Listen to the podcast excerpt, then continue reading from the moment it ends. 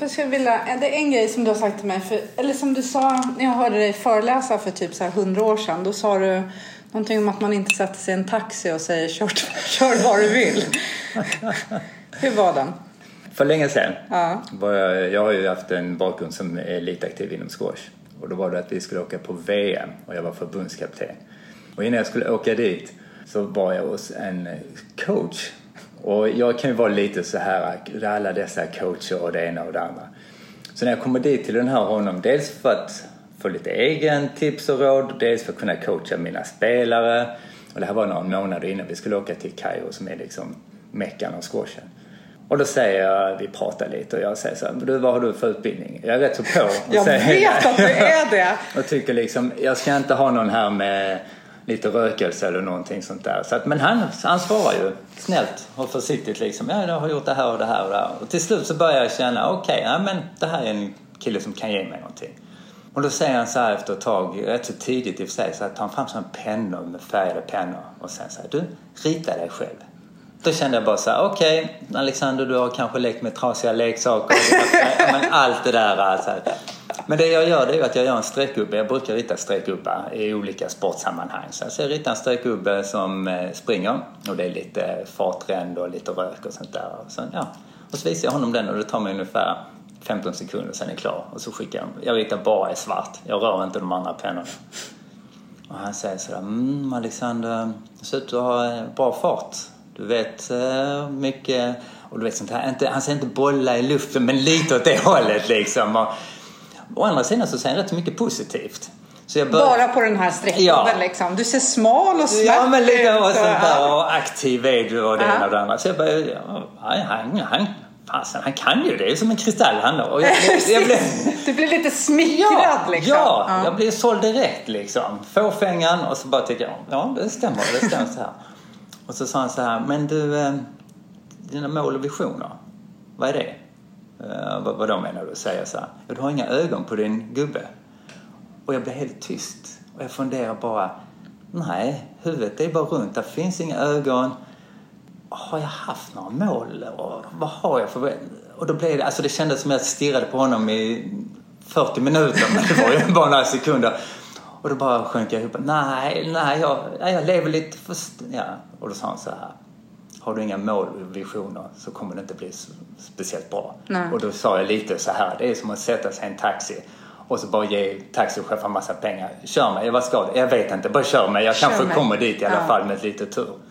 Och det, nej, så det, efter det har jag alltid tänkt liksom och det gör jag också när jag pratar med andra inom idrott att du måste ha, sen kommer målen naturligtvis ändras hela tiden. Mm. Kortsiktiga, långsiktiga.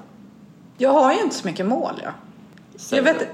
nej, alltså har jag det? Tänker du? Du jag känner ju ändå mig. Ja. ja. men du känner ändå mig. Här, jag, jag, tänker så här att jag har mer. Eh, jag har mer haft riktning. Alltså jag tänker så här i mitt uh, yrkesverksamma liv så har jag mer liksom haft när man jobbar med försäljning så var det ju väldigt mycket så här säljmål, man skulle sälja så här mycket eller så här många eller men att jag jag kan också tänka mig att om jag sätter mig, om jag ska dra metaforen till taxi. Om jag sätter mig i en taxi och bara säger så här, kör mig. Vart vill du? Jag vet inte. Så kan det bli väldigt dyrt och jag har ingen aning om vart jag kommer. Men jag kan ju också komma till något jävligt bra ställe som jag inte alls hade tänkt. Tänk om jag säger så här, ja men kör mig till centralen. Och så missade jag Gamla stan. Så jag har nog så jättemycket tänkt att jag ska ha en riktning. Och sen är jag nog inte alltid så himla bra på... Jag tänker att jag ska, min riktning ska vara glädje. Det ska liksom gå mot saker som jag blir glad av. Ja, och då, vad är de sakerna då? Du sa till mig en gång när du pratade om det här när du jobbade på ett flygbolag. Ja. Och ni var väl inte, er lilla grupp var väl inte så jättepopulär? Nej. Var det inte då så att du tänkte så här, nej jag ska ändra på det här. Jo. Det ska bli jäkligt bra. Ja. ja. Då har du ett mål. Du ja, just det. Okej. Okay. Och sen har du vissa delmål för att uppnå den här visionen. Och till slut så har man liksom nått dit. Ja just det, men då, ja, exakt. Och det kanske är så att man ändå har, man sätter upp mål fast, fast jag kanske inte definierar det riktigt som mål. För mig så kanske mål är mer så här 12 eller 27. Förstår, förstår du okay. vad jag menar? Att det blir liksom, ja. eller 14 gånger. För jag kan tycka att Alltså både den det- på det flygbolaget men även andra situationer som jag har varit i så kan jag, kan jag tänka lite så här att om jag sätter upp för tydliga mål då kanske jag missar Gamla stan. Förstår du? Att jag liksom blir så, så här, för att jag tror att ändå att jag, när jag har bestämt mig för något så blir jag ganska måldriven. Å andra sidan, nu när jag säger det kan jag också känna så här att Ojsan, nu kom du in att du var väldigt måldriven. Nej men jag tror... jo fast jag tror också att jag kan bli omåldriven. För att jag säger nu ska jag till centralen. Och sen bara, åh kolla, Gamla stan. Jo, men så är det ju. Och så kan jag nästan glömma bort att shit, det var ju centralen jag skulle till. Ja, men då... Jo, men jag tänkte om, om du är på ett företag och du ska hjälpa dem med någonting. Ja, vad säger du då? Då har du väl någonting att ni ska uppnå de här grejerna? Nej, jag skulle säga så här att väldigt, väldigt ofta när jag går in i ett företag så säger ju företaget att det, vi, har ut, vi har de här utmaningarna. Alltså jag skulle säga att det här är så här nio gånger av tio. Så säger företagsledningen att de har en viss utmaning och när jag kommer in i en grupp så kan jag säga att det är inte alls det som är deras utmaning. Det är något Nej. helt annat. Ja. Och när jag kan identifiera det och hjälpa till med den lösningen så blir ofta mina kunder så sjukt nöjda. Förstår du? De, för de bara... Jo, men du måste ju få ett resultat. För, Ja. För, för, upp, upp, det är klart jag får. Ja, det. Herregud vilket resultat jag får. Ja, men Ja. det kanske inte är mitt mål. För att när jag kliver in i gruppen så kanske målet är att jag ska leverera på det som ledningen vill. Men när jag kommer in så ser jag att det är inte det som är utmaningen här utan det är en annan utmaning. Ja. Men vilket fall som helst, du kommer ju med en lösning som ger resultat. Och då är det målet tänker Ja, du? Resultatet? Ja. Jo fast då tänker jag så här att då kanske målet, jag trodde målet var centralen men jag kom fram till att det var Gamla stan. Man får ändra mål då? Det kan man göra. Får man? Men jag menar, om jag som företagsledare hyr in dig så vill jag ha profit. Jag vill se en siffra. Jag vill att det ska bli bättre på någonting. Ja. Kommer du då och då och jag inte ser någon kvantitativt eh, resultat, någon skillnad och så har jag pröjsat en massa pengar. Ja, nej det vill du inte. Nej, det vill jag inte. Då är det flum-flum. För mig är det det. Ja, då säger du så här, var är dina ögon? Säger du. Ja. Ja. men så är det väl lite inom elitidrott och även som du säger inom eh, privata sektorn. Man vill ju nå resultat. Ja. Och då tror jag att man kan inte nå resultat om man inte har direkta mål. Du, vet du, du har sagt så många bra saker som har gjort ont. Faktiskt, du har gjort det. Jag, jag skulle säga, när du berättar om din streckgubbe och liksom din så här, att du inte gillar flummighet så skulle jag säga att du är nog den person i världen som jag skulle säga är minst flummig. Alltså, Ja, och om jag bara flummar till det lite så säger du app, vadå? Vad menar du nu? Men jag kommer också från en värld som är kanske lite arbetsskadad med just det här med forskningen. Att man liksom vill gärna ha någon vetenskaplig evidens på någonting. Att det finns någonting skrivet om det. Sen är det liksom inte en sanning. Vissa brukar säga så här, det är vetenskapligt bevisat. Nej, det är det inte. Man har visat, men det finns ju alltid en viss signifikansnivå. Och ingenting är ju helt skrivet i sten. Men jag tycker att när det blir massa andra som bara hör sägen och den gjorde det och man ska äta si eller så. Nej, Nej. nej. Men berätta, vad, du, vad gör du på dagarna? På dagarna så undervisar jag Ja. ja, inom träningslära och lite humanbiologi. Och sen så jobbar jag på ett idrottslabb tillhörande GH som heter LTIV, Laboratoriet för tillämpad idrottsvetenskap.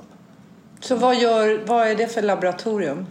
Vad liksom, du, Tester, andning och man ska, springa på, man ska springa på ett band med en sån här Ja. mas- syrgasmask ja, på sig. ja, man mäter syreupptag, kondition i liksom mer vardaglig takt. Ja. Och sen hjälper vi studenter, forskare med olika projekt. Men forskar du själv? Inte just nu, jag är med i några studier. Men jag, det där med att doktorera har jag släppt. Men säg till mig bara så här, vad är en studie? Vad, vad för typ av studie skulle det kunna vara som du är med? Man skulle kunna göra, eller nu håller de på med en studie hur man ska träna. Om man är vältränad eller otränad. Är det en fördel att träna kondition samtidigt som man tränar styrketräning? Man brukar kalla det för en sån här concurrent training. Kan man träna två stycken olika kvaliteter samtidigt eller bör man dela upp det och hur bör man dela upp det? Så det är lite sådana grejer som man vill ha reda på. Beroende lite på om det är elit eller icke-elit. Men du, såna här band då som man bara har runt magen och som går på batterier? och så blir det jättesmart. ja, precis. Ja. ja, men vi gjorde en sån liten skoj när TV var. Eh, sån här eh, TV-shop-grej. Ja. Ja, och då vet jag att eh, Martin Liberg var med där och vi testade lite olika grejer. Och det finns inga sådana resultat som visar på att oj, nu blev det jättesmart för att man får lite ström i... Nej. Nej. Nej. Utan det är liksom hard work. Ja, så är det. Vad är den bästa- som låter för bra är oftast inte Ja, sant. nej. nej. Om det låter för bra för att vara sant så är det ofta Nej. mm. Men vad är den bästa träningen då? Om man är liksom så halvtränad? Jag vet, många säger när de säger så här, men Alexander, vad är det bästa om man vill gå ner i vikt? Du som kan alltid. Jag springer allt vad du orkar 10 mil varje dag. Ja, men det går ju inte. Nej, det går ju inte. Nej, det går inte. Så, så, så det, det, 10 alltså, mil varje dag! Ja, vara. 10 mil i ditt liv. Ja. Ja. Nej, alltså det finns inget. Jag tror att det är svårt att säga vad som är det bästa. Hade det funnits det bästa så hade väl alla tränat så. Ja, det är som att säga vilket är den bästa barnuppfostran. Det finns inget som är det bästa. Men oftast när man får in studenter och de ska göra något projekt eller någonting så säger jag jag ska ta reda på vad som är det bästa inom det här. Ja, Något av det bästa. Liksom, kanske. För det, finns, det måste ju ändå liksom finnas... Något måste väl vara bäst? ja, det- ja. Eller i alla fall väldigt bra. ja men det är lite olika. För olika individer, ja, tänker du? Ja. jag tror det. För annars hade ju alla tränat lika. Hade jag vetat att det här är det bästa sättet att träna för en brottare eller en hockeyspelare eller fotbollsspelare. Ja, då hade jag ju tagit det träningsprogrammet och så hade jag delat ut det till ett helt lag. Så hade jag varit miljonär. För det här är det bästa. Men eh, ehm, kan du inte säga något som är typ så bra då? Vad, hur ska man lägga upp träning? Vad är liksom, vad är ändå bra? Inom vad? Nej, inom, eh, nu, nu är ju du med elitidrottare. Nu tänker jag typ som en annan sak som du har sagt till mig. Jag tänker en rostig båt.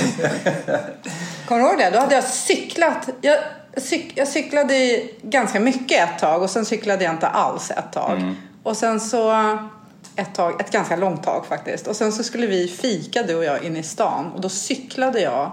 Vad kan det ha varit typ så en och en halv mil från stan, in till stan. Till, och sen när jag kom fram och skulle fika med dig då var jag helt slut. Kommer du ihåg det? Ja. Och, ja, det kommer jag ihåg. Och då hade jag typ så jackat i min träning som jag hade gjort kanske två år tidigare. Kan det vara så länge? Ett år kanske tidigare. Men eh, det var ju ganska otränad då. Så jag hade cyklat, försökt hålla samma tempo som jag gjorde året innan. Och var helt slut. Och då sa du, man skickar inte en rostig båt över Atlanten. Vet att Ja. Jag tänker på det så jävla ofta när jag, eh, när jag ska göra så här, om det är träning eller vissa saker så här, jag är en rostig båt tänker jag. Ja, och det var väl kanske inte så snällt. Jag hade ju inte sagt det till någon... Ja, Ja, det vet jag inte. Varför sa du så elakt till mig? Nej, men jag måste säga så här att jag gillar, jag, jag gillar att du säger så. Jag gillar det med dig. Ja, Men det kanske är därför du säger det till mig också. För att du vet Nej. att jag gillar det. Jag gillar när du, för du är så jävla rak och så otroligt oinlindad. Ja, men... Nu kommer jag på en annan Ja. grej som jag måste berätta. Ja, jag vill bara säga Ja. en sak. Det är många som när de ska börja träna så har de, varit, de, har varit, de har gått upp massa i vikt och det ena och det andra så kanske det har tagit fem, sex, sju år och sen vill man att allting ska försvinna på en månad. Gärna då i april, maj för nu är det sommar och så tränar man stenhårt. Det är klart att man går sönder. Det går inte. Man får börja sakta och, sen så, okej det tog sju år att ta på mig allt det här. Då tar det en liten stund att ta ner det också.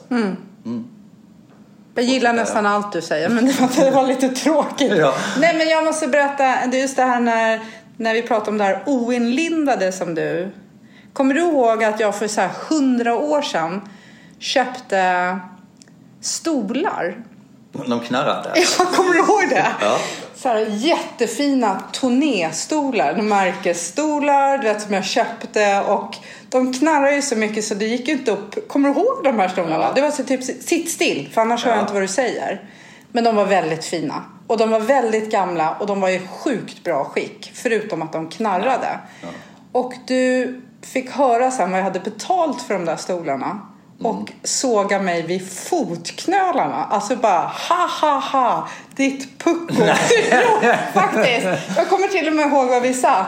Ditt pucko, hur kunde du köpa så dyra stolar? Men du sålde som- dem va?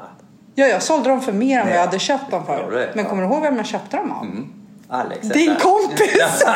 Jag visste inte varför han hade pluggat på GH en gång i tiden. Okej. Ja. För vi satt på ett fik och så höll vi på att skratta åt de här stolarna och du bara, hur kunde du köpa dem för så mycket? Och så kommer det fram en kille till vårt bord som du bara, tjena tjena, pratar lite med och sen när han går så bara, vet du vad? Det var han jag kände stolarna av. Så kände du honom? Ja. ja. Ja, ja märkligt. Ja, men du är ju väldigt så här rak och direkt. Får du skit för det någon gång? Ibland. Mm. Eller skit, men de kan tycka liksom att eh, ja, man behöver inte säga allt. Å andra sidan så säger jag till mina barn att eh, har man inget positivt att säga så kan man vara tyst. Ja, det är bra. Man kan ju, dessa, men jag tänker mycket så här, för vem skull säger jag någonting? Nej, men, Så att jag kan ju säga så här till dig. Du är en rostig båt. Nej. Ja. Nej men jag kan ju säga någonting till dig som hjälper dig. Ja, då absolut, kan den ju ja. vara lite så här. Kanske inte vara. positiv eller så här, men då finns det ju ändå ett syfte. Men jag kanske inte säger någonting elakt till dig bara i syfte att vara elak. nej, så är, så är det ju. Nej, är det någonting jag vill föra fram så säger den rätt så rakt. Mm. Men är det någonting som jag tycker att det där var liksom, det där var inte snyggt eller det där var konstigt eller åh vad det är jobbigt att träna idag. Så, är vi på träning så tränar vi, behöver vi inte gnälla någonting. Har vi ingenting bra att säga, då är vi tysta. Mm. Ja. Men det är en helt annan sak om jag vill föra fram ett budskap. Mm. Ja. Men man kan säga på olika sätt. Ja, man kan säga det på olika sätt. Man kan säga det vid olika tillfällen Och till också. olika personer. Ja. Mm. Alltså hela tiden tänka på vem det är som ska höra det. Och sen tänker jag jättemycket för vems skull säger jag det. Säger jag det för min skull eller faktiskt för din skull? Och i vilket sammanhang säger jag det? Ja. Kanske inte säger det när en massa andra människor är med. Typ, du är en rostig båt. Får Du vet, ja, du vet, eller hur? I flera år. Så fort det är någonting liksom med dig så skriver jag också att du kanske är en rostig båt, eller hur? På Facebook har du hört Ja. flera gånger. Du, kan du berätta för mig, de här, när man springer på de här banden med de här äh, syrgasmaskerna. Nej, det är inget syrgas. Vad är det då? Det ser ju ut liksom som aliens. Ja, men man samlar upp eh, utandningsluft. Så det är som en mask som täcker hela ansiktet, är det inte det? Eller ser Näsa ögonen, näsa och mun. Mm. Det finns också så att man kan ha näsklämmor så an, använder man bara luften som man andas ut genom munnen. Så Okej. då, kan man, då har man bara ett munstycke. Och, så, och så springer man på ett band. Och då springer man Ja. och sen ökar man hastigheten och då ökar ju både puls och den här äh, syreupptaget. Jag känner att min puls ökar bara av att tänka På att ha en sån där och att du ska mäta något och bara oh my god Lisa du är en Nej, men sen gör man, alltså det är hela tiden, det är liksom ett test där man hela tiden ökar hastigheten. Mm. Och då ser man hur mycket syre kroppen kan ta upp och eh, distribuera ut till musklerna. Och det är liksom ett, i dagligt tal liksom, eh, brukar man säga det liksom att det är ett konditionsvärde. Och så ser man då liksom, eh, oftast när vi gör det så är det liksom före en viss träningsperiod och sen kanske man gör det efter eller mitt i för att se att det ska vara en förbättring. Mm. Och vissa idrotter är det naturligtvis viktigare med bra kondition än andra idrotter. Men är det så att eh, vissa, vissa idrotter liksom har kontakt med er så att de kommer typ så här nu testar du squashspelare eller Vi har gjort hur lite. kommer man liksom till er? Nej, vi gör oftast när det är inom ett forskningsprojekt. Ja. Annars så är det Bosön som är RF. Ah, okej. Där gör ju alla klubbarna och sånt där, där. Så det är också, men vi har ju ett bra samarbete när det gäller utrustning och vi känner ju varandra jättebra. Mm. Men, men du, har du varit med någon gång, eller måste du ju ha varit, här, när du bara holy shit den här personen har ingen kondition? Eller någon som du tror ska ha bra kondis som inte har det? Ja. Ja, jag Ja, säger nu vill jag bara ja. tala om att jag har aldrig gjort det där testet så vi pratar vi inte om mig. Nej. Men någon som du liksom hade Ja. så förväntat dig. Ja. Det finns vissa Så idrottare. idrottsmän liksom. Ja. Och som ändå klarar sin idrott bra. Ja. Men Fast kanske de hade inte- klarat sig ännu bättre. Om de hade haft bättre kondis. Allt annat lika och lite bättre kondis. Jag går i backen nu. Vad går Jag du? backtränar. Ja. Är det bra? Det, det, det, var, det var lite, men nu läste du för i manus. Jag tänkte fråga dig, är det bra? Ja, men det kan det väl vara. Varför går du backträning? Jag tycker att... Och jag, jag, jo, men jag går i backträning för att jag tycker att det är väldigt jobbigt men sjukt överkomligt. Att du tycker det är lite roligt? Nej, det Nej. tror jag kanske är Nej, att ta det lite för långt faktiskt. Nej, men jag tycker att jag har inte så långt till Hammarbybacken. Och det tar inte jättelång tid. Jo, men det Oj, faktiskt... oj, oj, shortcuts, shortcuts. Det är inte så långt Faktiskt. till backen. Det är Nej. långt Nej men faktiskt, det, det, det kan jag säga så här. För mig så blir det, det är så överkomligt. Alltså det, det, det tar liksom inte så lång tid att, det är lite som intervaller ju. Jag kan liksom stå ut den där korta tiden som det tar att gå upp för backen. Ja. Och eh, sen får jag ju tillbaka andningen när jag går ner. Och sen är ju jag så här, jag är jättepuckad faktiskt. Kan jag själv tycka. Så här, för att jag åker dit och så tänker jag så här, jag ska gå en gång. Mm. Eller så, och, häromdagen åkte jag dit och tänkte så här, jag ska gå Men tre gånger. Ja, jag tar bilen. För att det, det, tar, det tar ganska lång tid att gå dit. Yoga? Nej, finns inte. Cykla? Ja, skulle kunna gå. ja. Det, nej men för mig tänker jag så här. Nej, eh, men, men jag tror också att skulle jag... Eh, nu känner jag att jag hamnar i någon så här.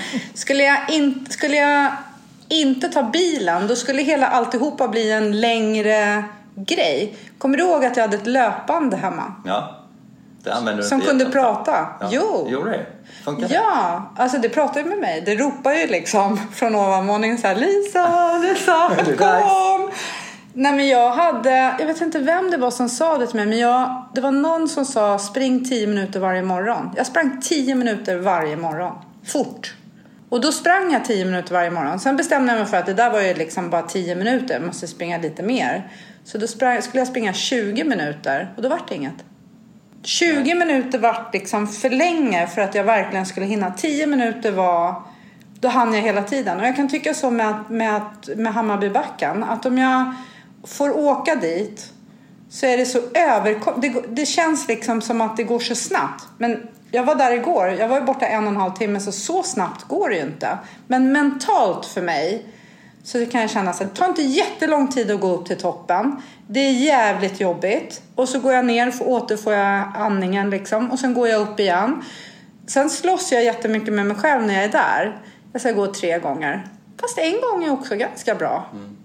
Jag skulle säga, du som är då metafor och med företag och det här. Mm, nu ler du. Nu, ser jag, nu känner jag direkt att det nej, kommer något absolut här. Inte. Nej. Jag bara tänker så här att eh, det är inte alltid kul att investera.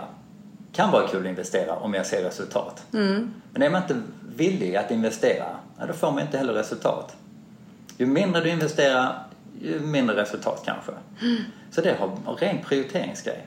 Vill du, nu är ju, vet jag inte vad ditt syfte är med din träning. Men det är ju det man får tänka. Mitt syfte är det här, alltså måste du ha mål. Har du inget mål med din träning, mm, då blir det lite slentriant. Och har du ett mål och du vet att ja, för att nå det här målet då måste jag lägga ner en timme två gånger i veckan eller tre gånger i veckan. Eller om jag går ner och kör 30 minuter. Gör någonting tre, fyra gånger i veckan. Ja, då är det det som då kostar det. Tyvärr. Nej, jag hinner inte, jag kan inte denna. Eh. Nej men fast det är det jag menar lite så här att, att för mig så om jag backtränar då gör jag det. Jag gör det i alla fall minst tre gånger i veckan. En gång. En gång nej. Uppför backen. Nej. Nej, du går upp för backen. Ja, jag går ju upp och ner och upp och ner och upp och ner. Ja. Och då är... Fyra gånger gick jag igår. Ja, och det är ju jättebra. Ja. Fast jag slåss ju med mig själv när jag går där. Ja. När jag åker dit så har jag oftast bestämt att jag ska gå tre gånger. Ja. Eh, och sen har jag ju åkt hem och gått två gånger också. Ja. Men jag, kan, jag börjar ju liksom, nej, alltså jag, du vet, först, har du gått till Hammarbybacken? Först är det ganska, först är det ganska brant och sen flackar det ur lite och sen är det brant igen. Och första branten, alltså då bara känner jag så här, nej, jag kanske bara ska gå halva. Jag börjar direkt liksom och så bara, nej men nu är det ju ändå uppe för den här första branten. Nu är det ju, nu är det li- lite så här a walk in the park och det är det ju inte för det är ju inte helt flackt. Det är ändå Nej. uppför. Och då har man ju också fått liksom upp pulsen och sen så kommer den här toppen. På, men jag slåss med mig själv när jag är där. Två gånger också bra alltså. Jag så lite. Ja, gud ja. Ja, Två gånger, det är ju ändå bättre än ingen gång. absolut. Men Jag, kan- jag gick ju tre gånger här och då hade Ja. jag bestämt att jag ska gå tre gånger. Och så, så skulle jag precis du vet, så smyga iväg. För det är så många, det är såna här jävligt jobbiga människor som springer upp och ner för den här backen. Det är som man blir förbannad alltså. Ja. Och då var det ju ändå någon kille som, som jag mött, mötte när jag liksom, man gått ner för backen och sen lite till. Så det syns ändå som att okej nu kommer inte hon vända och gå upp igen. Då kommer han springande och så säger han en gång till Kamoja, säger han. Och Oj. man bara fuck you, ursäkta mig. Men det så jag bara kände så här, nej men gud kan man inte få liksom vara så här, du vet. Ja, då var jag ändå tvungen att gå en gång till. Så det gick jag fyra gånger. 94, ja. Mm. Ibland kan det vara så här att man, om folk vill komma, nu pratar vi inte elit. Men de som Va? lite- Nej. Pratar jag om mig nu? Och så säger man så här, ja men eh, om, om du själv skulle tänka skriva här, vilka dagar skulle du... Då, oftast, och jag ska springa och jag ska träna tre, fyra gånger i veckan. Och då brukar jag alltid säga så här, app, app, app, app. Det är bättre att du skriver två gånger och så kanske det blir tre. Istället för att skriva tre och så blir det bara två. För då blir det lite så här, nej, nu gjorde jag inte som jag skulle och så blir det lite lutt. Men sen, vad är, vad är syftet med din träning? Att gå i backen bara. Ja då så. Men, men, men jag är också så här, nu gör jag faktiskt inte det, men i vanliga fall så är jag ju sån som, du, du, jag gick ju förra sommaren gick jag i backen och då kunde jag ju veta så här, här ligger den här stenen, till den här stenen tar det 2,13. Ja. Till nästa sten så tar det, du vet jag bara mäter ju och mäter och mäter så bara fan det tog det ju 2,17. Nu ligger jag lite efter här, nu måste jag öka. Så där är jag. Kommer du ihåg det också när du sa att du ska springa på puls? Kommer du ihåg att du sa det till mig? Mm. För det är ju, då har man ändå en, typ av eh, indikator på att ja, men om jag ligger i den här pulsintervallen så är det rätt så bra träning för mig. Men många vet inte vad maxpulsen är. Många har ju sina klockor men om man inte har någon maxpuls så kan du slänga en klocka. Ja, För Precis, det- man då, den kan man ju ta så. här, vad är det, 220 minus ålder? Ja, det har nej. ju inte jag kan jag säga, för då Nej. slår ju jag i taket. Nej, inte jag heller. Nej. Men det är så att det där 169 i puls hade jag när jag gick i backen häromdagen och då var det ju ändå så att jag absolut kunde andas och kanske till och med kunnat öka. Så jag har ju... Ja. Och det där med 220 minus åldern, det är liksom om man har tagit 1000 personer. Och sen så kollar man och då får man ungefär det här. Ja men det blir rätt så bra. Men nej, det är ju jätteindividuellt. Jag tror att man har gjort någon eh, studie där man har kollat på om det var 20-åringar där de hade maxpuls från 175-180 upp till 230. Så det är en jätteskillnad. Men det är inte många som tänker på det utan de ser sin klocka. Oj, nu ligger jag på det här och det här. Och sen är det liksom då procent av sin maxpuls. Mm. Men det, klockan har bara gjort en beräkning. Fast man kan ju ändå titta lite så här, nu är det ganska jobbigt och nu har jag sån här puls. Och så kan man ju se så här, ja nu är det lite, men maxpuls. Då ska man väl ha klämmar för näsan och Nej, gasmask och... inte? nej, nej. så hur gör man då? Man springer. Och så springer man. Och det där finns det lite sket sig. ja, men det gäller att man tar ut sig max. Och det kan man göra på lite olika sätt. Eh, Ett sätt är att man eh, värmer upp under en längre tid så att man är riktigt uppvärmd och sen så springer man kanske en 800 meter där man hela tiden ökar, ökar, ökar och de sista 175 meterna ska vara en lätt uppförsbacke. Och så tittar man pulsen när man är som högst upp i backen och så ser man okej, och så kanske man gör det här två, tre gånger med några dagars mellanrum. Och då ser man, ja men min maxpuls är det här. Och den Vad funkar ju din? ålder. Vad är din max? Vad sa du, sjunker den varje dag? Nej, nej, Nej, för är bara- med ålder. Jaha, ja. men det gör den. Ja. Ja. då sjunker Ja. den ju varje dag. Ja, ja. Man blir ju äldre varje dag. Ja, det är sant. Vad är Ja. din maxpuls? Jag vet inte riktigt. Det var så länge sedan jag gjorde sånt där. Nej. Men vad, vad, det här med vilopuls, låg vilopuls, är inte det någon så här, Mm. Jo. typ, man kan höra också så här, ja nej jag har bara 32 i vilopuls. Alltså, Ja. Typ att det är bra att ha låg vilopuls. Är det det? Ja, men det kan det ju vara. Ehm, man ska kanske inte jämföra person till person, men om jag har till exempel 60 i vilopuls och sen så tränar jag och sen så vill jag ha någon typ av eh, ja, men någon indikator på att har jag blivit bättre? Och så kanske efter en månad eller en och en halv månad och så mäter jag min vilopuls och så har den gått ner och sen är den 56. Då är det ett tecken på att ja, men ditt hjärta har blivit starkare, du behöver inte slå lika ofta. För det är ju hjärtat som är den svaga länken när man pratar om det här med kondition. Okej, så vilopulsen talar om hur mycket hjärtat slår. Och då vet typ, Ja, ja, ja, ja, ja. precis. Jag bara, nu man måste Ja, det är mycket nu. Och då, tänk, ja, precis. och då tänker jag på Ingmar Stenmark. Vad hade han i vilopuls? Jag vet typ inte. Nej, men det- 14? liksom. Nej, nej, men vet 30 någonting har jag hört. Har du det? Ja. ja. Det är jätte... Vad är liksom, vad har en vanlig människa? ja. Jag vet inte. Men man kan väl ha en 60? Mm, det har jag. Har du det? Ja. Och då tar man den på morgonen.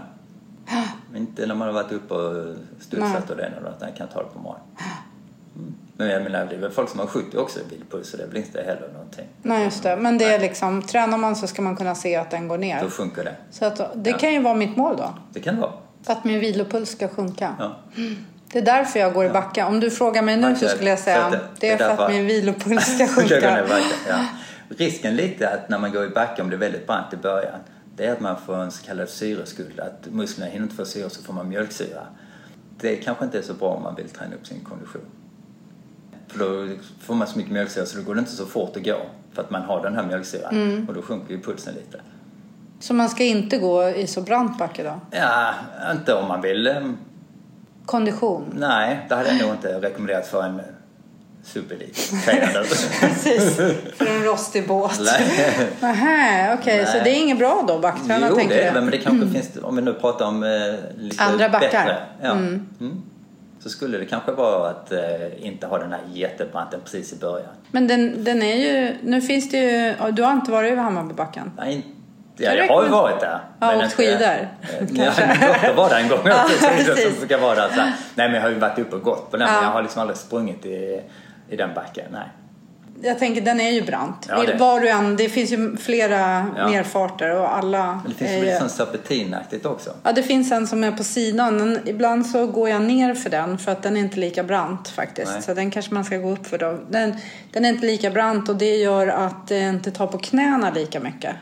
Min brorsa har lärt mig något som han kallar för Indian walk. När man går ner för... Precis, nu ser du. Indian men, walk? nej, men, Känns inte helt PK i dagens samhälle. nej, men, nej, det kanske det inte gör. Nej, jag vet. Nej. Uh, Ja. kanske det inte gör. Men det var verkligen inte meningen i så fall. Men att, att man, när man går ner för böjer på knäna lite, typ som att man smyger ner för. För att ibland så, när jag har gått med Jakob, min 18-åring, han studsar ju ner. Ja. Förstår jag menar? Han liksom så här slappnar av när han går ner och då får man ont i knäna. Det han Men kanske inte får för att han är van vid det och att den är lite stark. Ja. kan vara så. Mm. Men att man liksom mer, att, att det är jobbigt att gå upp men det är också jobbigt att gå ner. Ja. Och att det tar på benen att gå ner. Absolut. Liksom att du måste fokusera och vem var det som sa det till mig? Tänk att du har en tillbringare med vatten i bålen och den är helt full.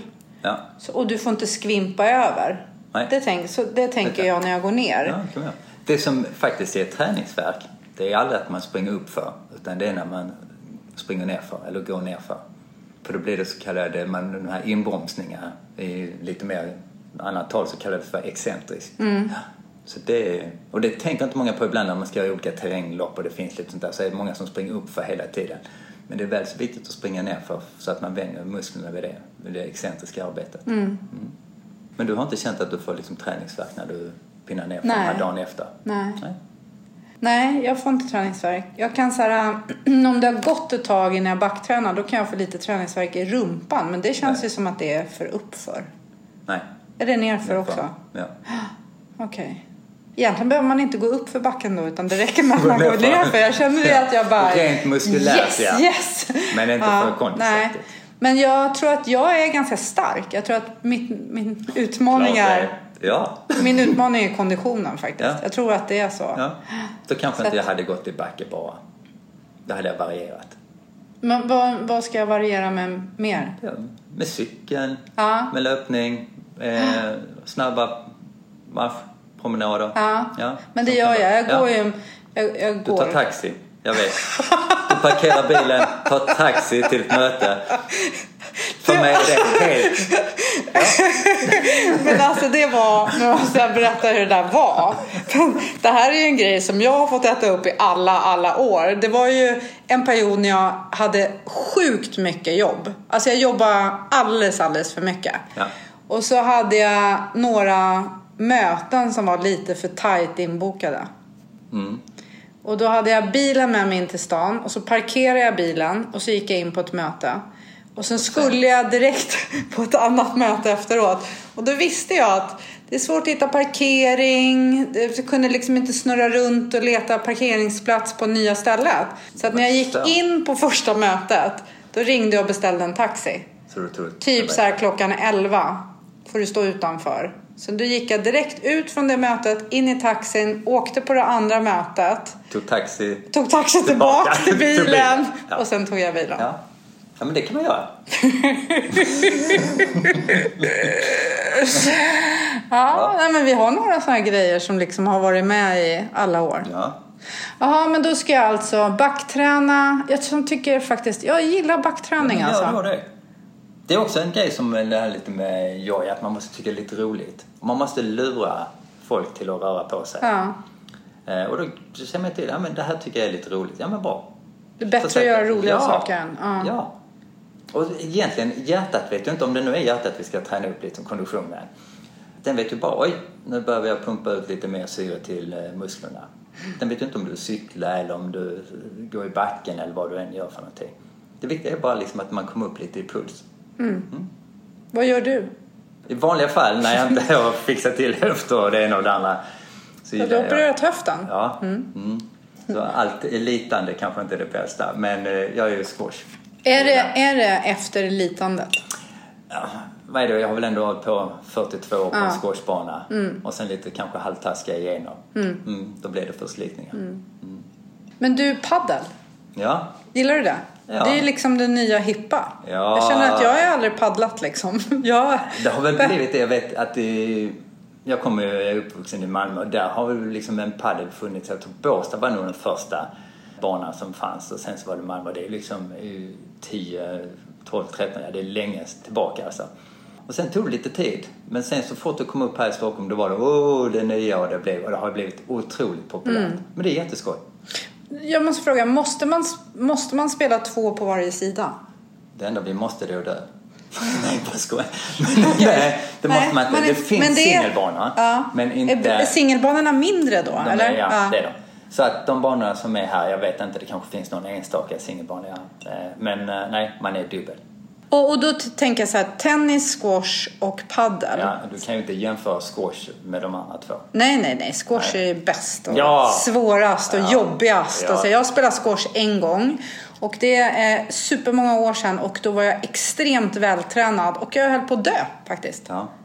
Det var så jävla jobbigt. Det var som att vara mitt i, en flipp, i ett flipperspel. Och den där jävla bollen liksom, man bara hjälp, hjälp, hjälp. Den kom från alla jävla håll alltså. Ja.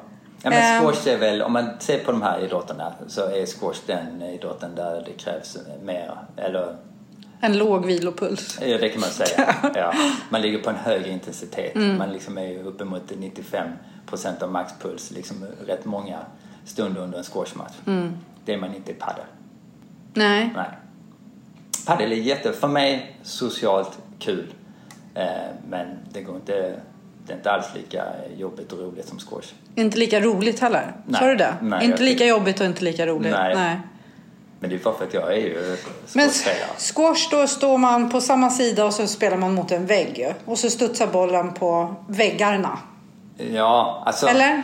Var det Nej, det är så. Det är Ja. ett rum liksom. Och det som är skillnad med squash gentemot andra racketidrotter, det är precis som du säger att man är på samma sida. Mm. Det är lite mer som en boxningsring. Man har motståndaren väldigt nära sig. Mm. Det är inte det här nätet. Vilket kan vara lite mentalt jobbigt också ibland. Att, eh, man försöker naturligtvis att inte stå i vägen och domaren avgör lite om man står för mycket. Men det är, ja, det är lite mer närkontakt. Mm. Och sen så har man mot en vägg. Bollen måste alltid träffa frontväggen innan den träffar golvet när jag slår. Men det är inte så att jag liksom, åh, nu ska jag slå en boll och så studsar den i alla fyra väggar. Nej, det gör den inte.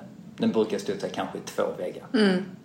Men måste den studsa i väggen framför dig innan den studsar i väggen på sidan? Nej, Eller, nej i någon sidan. vä- Ja. vägg bara Ja. liksom. Innan den studsar i golvet. Ja. Och paddel då? Då är det ju också väggar fast då står du på olika sidor. Ja, men i padel, om du slår en boll direkt i en vägg. Från, vi säger att eh, bollen kommer över nätet, jag ska returnera den här bollen. Om jag nu träffar bakväggen, då är den fel. Så den ska studsa först. I golvet. Och som tennis. Det är något annat, helt Ja, annat. den kan man de flesta. Där är ju inga väggar. Nej, Nej. det är det inte. Nej. Tennis tycker jag är otroligt roligt. Ja, Jag spelade ju tennis med en tjej som heter Maria som är ryska. Och, eh, hon skulle ge mig lektioner och jätteduktig. Hon har ju spelat så professionellt i Tyskland och liksom är uppvuxen med en pappa som var tennistränare i Ryssland någonstans. Och så här. Super, super, super duktig. Och vad hon skrek på mig. oj då. Ja. Men jag vet inte, jag gillar ju det. Alltså jag skärper mig. Ja. Även för jag tyckte att det var en- grej med tennis som jag tycker det är att alla banor är öppna. Man ser, jag vill gärna liksom dra för gardinerna. Jag tycker liksom att jag vill gärna vara lite bättre än vad jag är. Ja. Eller ganska mycket bättre än vad jag är faktiskt. Och, så, och sen så skrek hon så högt på mig så man bara Shh. Men det som hände på något sätt när, hon skrek, och så, dessutom så kände ju hon alla på den, Ja, ja. Eh, den här tennishallen. Så, eh, när hon skrek på mig så blev det också så här att jag ville inte att hon skulle skrika vilket gjorde att jag skärpte mig. Okej. Så jag blev Ja, bättre berätta. för att hon skrek, för att jag inte ville att hon skulle skrika. Tennis är ju faktiskt, eh, vad ska vi säga, den är ju inte så lätt om man inte spelar med en som kan spela. Ja. Är det två lite mindre bra spelare, Det blir väldigt ja tråkigt. men det blir det. Ja. Och framförallt när man sen ska börja serva. Den första serven tar folk i och så går det i nät eller så går den Mm. ut. Och sen så kommer andra serven, då är det som en Newton smash. Man bara skickar upp bollen och sen hoppas man att Newton lagen ska göra att bollen dras ner så att den studsar lite. Ja. Och sen blir det två tillslag och sen så ska man springa och hämta, man har ingen bollkalle eller något. Nej. Det är ju därför padden har lyckats, för det är så lätt. Alla kommer få en liksom dueller, hur dålig man än är Mm. nästan. Ja. Det är underhandsserv, man får igång spelet. Och därför tror folk också att det är, liksom, det är lätt att komma in i spelet. Mm. Ja. Jag måste prova paddel. Jag känner att jag måste köpa ett paddelracket. Ja. Ja. men jag vill prova det. Jag tycker att det är väldigt roligt att spela tennis. Ja. Och jag vet att Maria har sagt så här till mig flera gånger. Så här, men du måste, du måste känna, du vet när du slår igenom. Så här. Och då har jag ju sagt till henne så här, jag känner, jag känner Känner inte. Jag är ganska dålig på det här, det ska kännas rätt. Men om du säger till mig att armbågen ska vara i vinkel med axeln och du ska, höften måste vara framåt och du vet så här. Då bara, okej. bättre. Nej men och då kan, jag, då kan jag behöva prova det kanske två gånger. Så bara, nej nu var inte höften rätt och så här. Men jag kan, jag är ganska bra på att ta anvisningar men väldigt dålig på att känna. Känslan. Mm. Ja. Ja, men det är, man kan väl säga så här lite, när jag sitter och kollar på vissa sportevenemang, Mm. friidrott eller vad det nu kan vara. Fan, ja, friidrott är rätt ofta, så hör jag så mycket floskler. Som bara, nej. Men samtidigt så är det så att den tränaren, eller den så kallade expertkommentatorn, pratar ett språk som de förstår. Men rent biomekaniskt, eller vetenskapligt, så är det helt galet. Till exempel vad? Ja men kraften är under sig. Ja, vadå? om jag springer eller om jag hoppar, det tror fasen att kraften liksom är... eh, vad ska den annars vara? I, i huvudet? Uppåt? Ja, men det, det blir lite sådana konstiga grejer. Någon gång liksom att åh, den här åker ju snabbast av alla fast han har dålig teknik. Nej men han kanske inte har dålig teknik. Eller vad är dålig teknik? Att det, inte- att det inte bara är något kvalitativt bara för att den personen säger att det här, vad är det som är dåligt? Är det höftvinkeln, är det knävinkeln eller vad är det? Bevisligen så går det fortast. Ja, precis. Ja, men vad är det då som är liksom? Ja. Om man ska, ja, det fin- kommer jag att höra det när Ja. de säger så framöver. Ja, ja, men du vet, jag har ibland när jag undervisar så har jag en hel del när vi pratar lite om teknik, taktik liksom. Att just inom det teknik är det viktigt med att eh, efter bollträff att foten ska följa bollbanan. Jag menar, så fort bollen har släppt foten, alltså då kan vi aldrig påverka bollen. Finns inte en chans. Nej, så är det någon, och så finns det massa sådana skottcoacher som tjänar pengar och det är bara, det är flum. Många. Skottcoacher. Ja. Mm. Så här ska du skjuta och du ska inte... Men vänta, jag måste tänka så här. Om det är fotboll och jag ska eh, skjuta på en boll. Ja. Säger man det? Slå på en boll skulle jag Nej, säga. Men jag menar skjuta. Jag ska skjuta på en boll. Så är det ju det här att boll... Det är klart att foten träffar bollen och sen går bollen iväg. Men hur min, vänta, vänta, Ja. hur min fot sen fortsätter.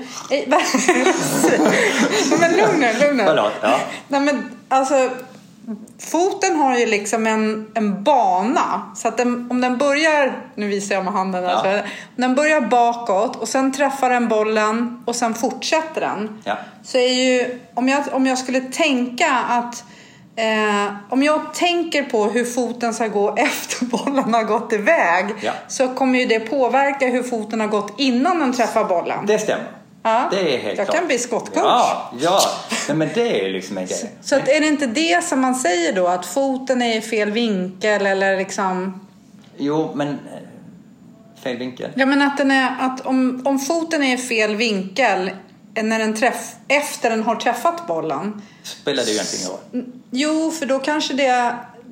Alltså, Det kanske skulle kunna påverka Exakt, bollträffen. tack. Jag förstår vad du Ja. menar. Men egentligen är det, och likadant så här att någon sa så här, ja sen kommer bollen accelerera. Nej, bollen kommer absolut inte accelerera efter träffen. Den kommer liksom sakta, sakta hela tiden. Den kommer Ja. inte accelerera.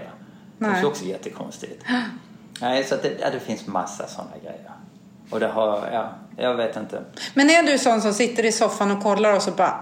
så Ja, nu- min fru bara tycker du är som de där sura Cornet-gubbarna. kan du bara vara tyst lite? Ja. ja, det får jag vara. För att jag liksom för gemene man och för de här uh, utövarna så är det jättebra instruktioner. Men, Men de är inte liksom statistiskt nej, underbyggda? Nej, men det är liksom inte... Vetenskapligt Det håller inte rent biomekaniskt. Nej, det det Nej. inte. Nej. Men tanken kan ju ändå vara att Ja. om jag tänker på hur foten ska gå efter träffen så kommer det att påverka hur Ja. foten går innan Ja, träffen. det. Och då påverkar det. Ja. Har du sett de här äh, med Ronaldo? När han Mm. skjuter mål när det är mörkt. Det är helt becksvart liksom, eller hur? Ja. Och han skjuter ändå i mål. Framför- Gång på gång på gång på gång. Mm.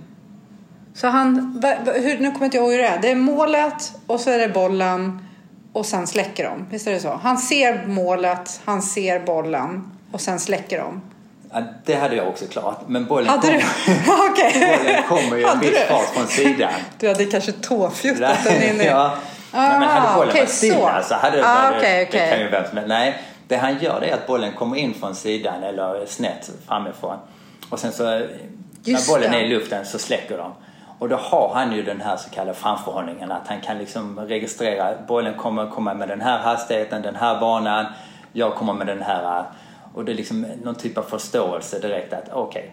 Och sen så träffar han ju, och han som du säger, han. Sen vet vi ju inte riktigt så det Hur många det- tagningar Nej, har man gjort liksom? Det vet Nej. inte. De bara, ja.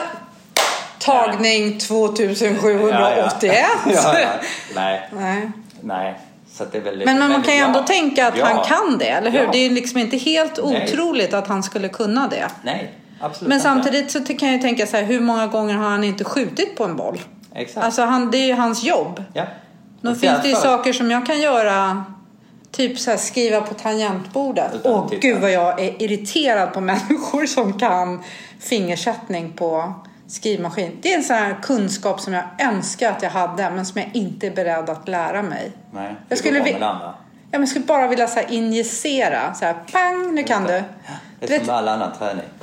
Ja, precis. Man vill inte investera, nej, man vill bara nej, ha men det det finns några så grejer. Jag skulle vilja eh, kunna spela gitarr också. Ja. Mm, men jag vill inte sitta liksom Ja, och... men du vill inte ja. spela gitarr? Jo, Inte tillräckligt mycket? nej, men jag vill Ja. kunna. Men Ja. jag är inte beredd. Nej. Insatsen är för jobbig liksom. Men just de här som sitter och skriver på tangent. Du vet vad jag menar? De Ja. sitter och läser någonting och så bara... Ja. Alltså jag kan lite känna agg mot sådana människor. Jag förstår att det är taskigt. Ja. Men, men jag är inte beredd för att jag... Men jag tänker ändå säga, jag kan skriva ganska bra utan att titta fast jag inte kan fingersättning. Men då har jag skrivit väldigt mycket på tangentbord. Ja. Så det är ungefär som Ronaldo. Han har Ja. skjutit många bollar. Ja, därför kan man ju bli lite sådär ibland när man sitter och tittar på Allsvenskan. När man tycker att mm, de har ändå skjutit rätt många gånger på den här bollen och ändå så skickar de bollarna högt upp på läktaren. Men visst, Varför då? de har väl inte skjutit tillräckligt många gånger. Nej. Nej. Fast det är många så har Ja. inte det räckt. Nej. Eller de kanske inte tänker så mycket på hur foten går efter bollträffen. Kan vara. eller Kan eller så är det det de gör. Ja, jag vet inte. Man tycker i alla fall lite... Det är väl likadant som att vissa menar på att nej men man kan inte träna det statiskt eh, när det gäller att skjuta på en boll. Men samtidigt, jag menar, om, om man nu lägger upp en eh, frispark och så tränar man och skjuter frisparkar tusen i månaden och åter tusen.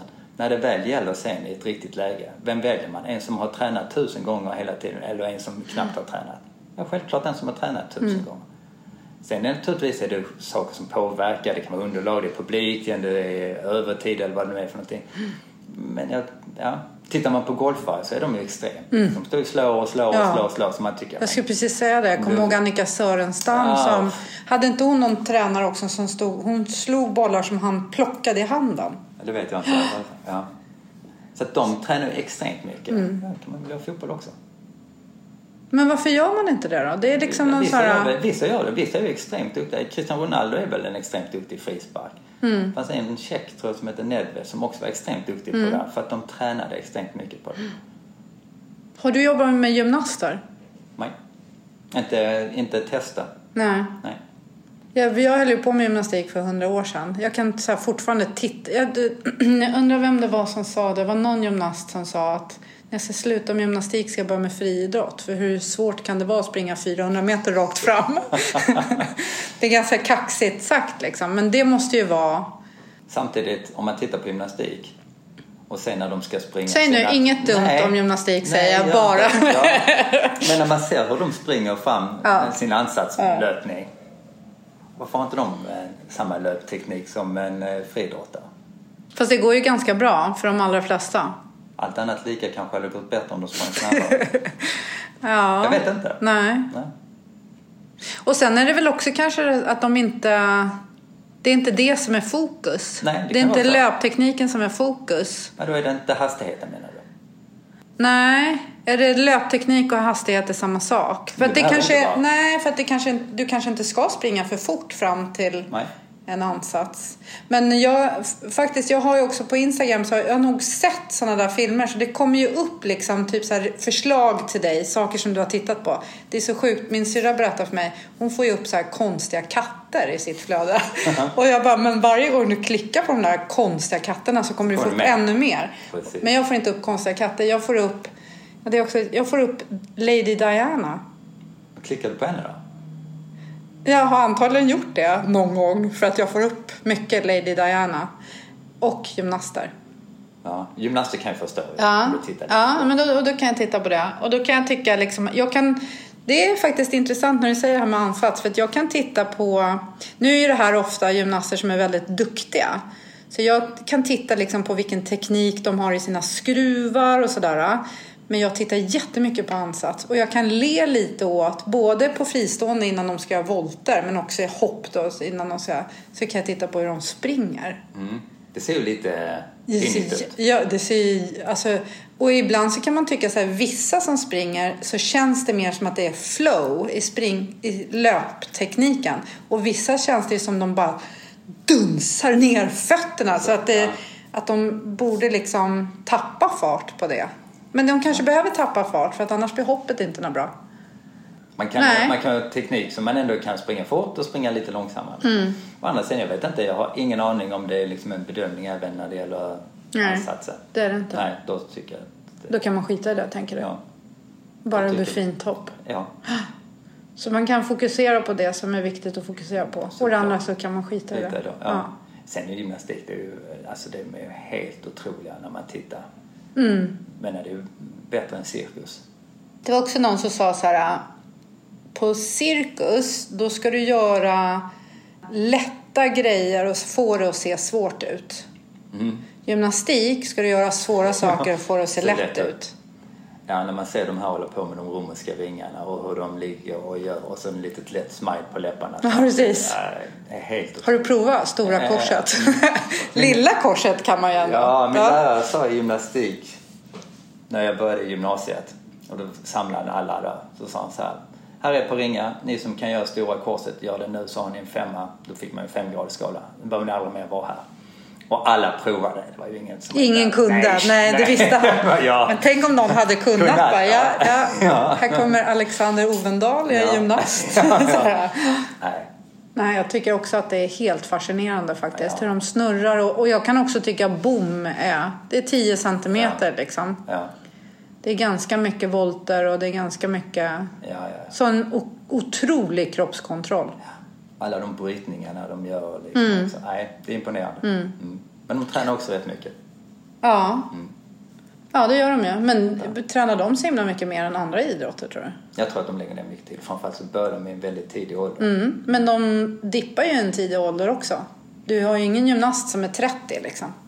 Nej, Du har ju en ganska kort karriär. Och sen Ja. är det väl, nu vet inte jag hur det är nu, men jag vet att eh, de satte ju någon gräns på OS att du måste vara 15. Det kanske är borttaget nu, det vet Mm. Nej, jag inte. Men det innan det 15. så var det ju liksom, du vet, de var typ 9. Jag kommer ihåg att jag... det är nio men... Eh, Nej, men faktiskt, jag kommer ihåg att jag var... Jag var med och tränade Brommagymnasterna under en period. De, och då var det ju ändå några som var liksom svenska mästarinnor och så. Då hade vi något eh, samarbete med, var det Tallinn vi var i? Och att komma dit, till deras träningshallar. Jag kommer ihåg att när vi åkte till Tallinn så var det, det var ju dessutom under den perioden när man det fanns liksom en dollar store där du bara kunde köpa utländsk valuta. Vi stod i kö för att köpa Coca-Cola och vi hade med oss toalettpapper. Så det var liksom, förr, i- förr i tiden pratar vi om nu. Men att komma in i deras träningshall som inte hade så fin utrustning som våra träningshallar i Sverige. Men du vet de här små, små barnen. Jag kommer så väl ihåg, det fanns en tjej som var så sjukt duktig. Hon var så otroligt duktig. Hon hade vunnit SM du vet hundra gånger om. Liksom. Jätteduktig. Och jag stod bredvid en av chefstränarna. Och jag bara, gud vad hon är duktig. Och hon sa, hon kommer inte bli något. Hon toppar för ung. Hon kommer nu börja gå ner.